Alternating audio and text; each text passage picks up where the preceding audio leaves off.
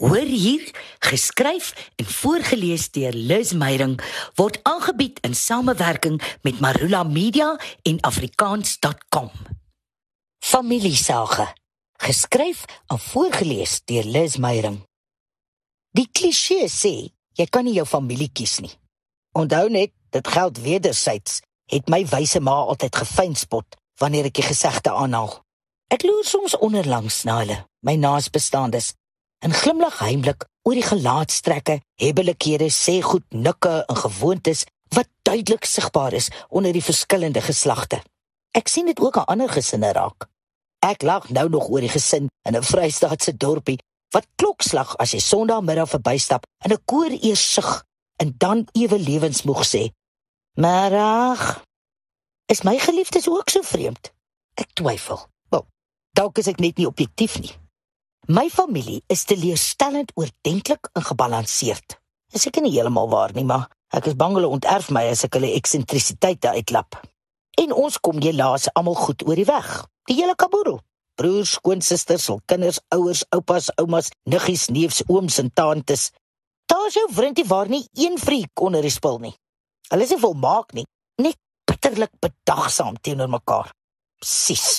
Ek raak sommer jaloers as vriende en kollegas my vertel van hul dramatiese familiekonfliksages. Dit klink soveel interessanter as my stories oor ons familie se rustige Kersfees en ander vierings. In my stamboom het niemand nog dronk in 'n swembad beland, oor erfgoed beklei of mekaar met die noritakie gegooi nie. Daar's geen oom wat op 80 met sy 20-jarige kleiniggie getrou het nie. Geen fete oor 'n onherstelbare antieke huisorgel wat al 40 jaar duur nie. 'n Geen begrafnis waar iemand in die kus probeer spring het nie. Dis vreeslik onregverdig. 'n Mens wil mos familiedrama sê om oor te kla. Dis 'n gemeene deler. Ons stam almal immers van iets en iemand af. Dis universeel identifiseerbaar. Deel jy 'n familiedrama, kry jy dadelik 'n geselskap se onverdeelde aandag en simpatie.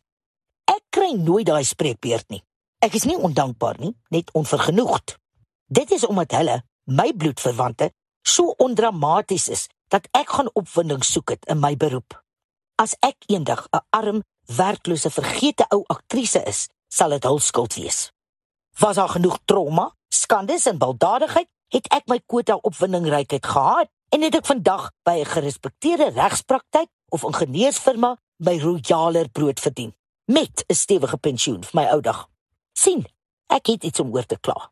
Nie eens naaste by so goeie klagte soos diegene op my nie. Nou teer ek maar op die stories wat ek hoor.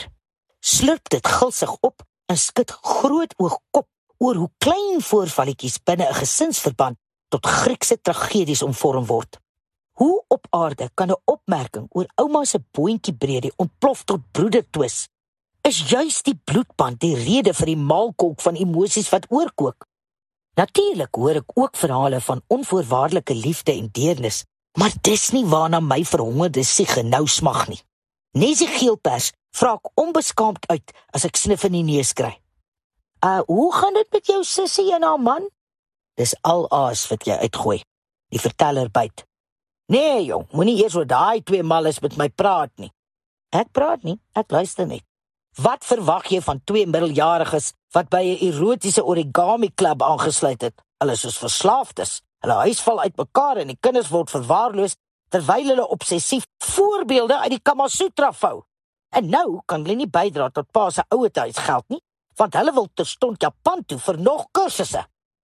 In my wildste drome kan ek nie op so 'n familieprobleem verbeter nie. Toe ek klein was, het ek soos die meeste kinders soms geglo Ek is of omgeruil in die kraamsaal of aangeneem. Dan het ek lang trane dal sessies daaroor gehad.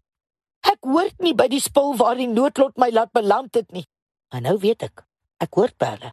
Net hulle verstaan en aanvaar my waansin onvoorwaardelik op 'n liefdevolle, ondramatiese, onsensasionele manier. Bytendien, ek het genoeg om my hele familiekwota op te vul. Afrikaans is so lekker soos koeksisters, braaibroodjies en kondensmelk koffie. Dit is jou taal. Dit is wie jy is en hoe jy leef. Daarom nooi ons jou. Kom skryf saam aan die toekoms van Afrikaans. Vir gratis leerhulp, taalnuus, vermaak, speletjies en meer. Besoek www.afrikaans.com. en volg ons op sosiale media. Koop dit, lees dit, praat dit, leef dit. afrikaans.com. Jou tuiste vir alles oor Afrikaans.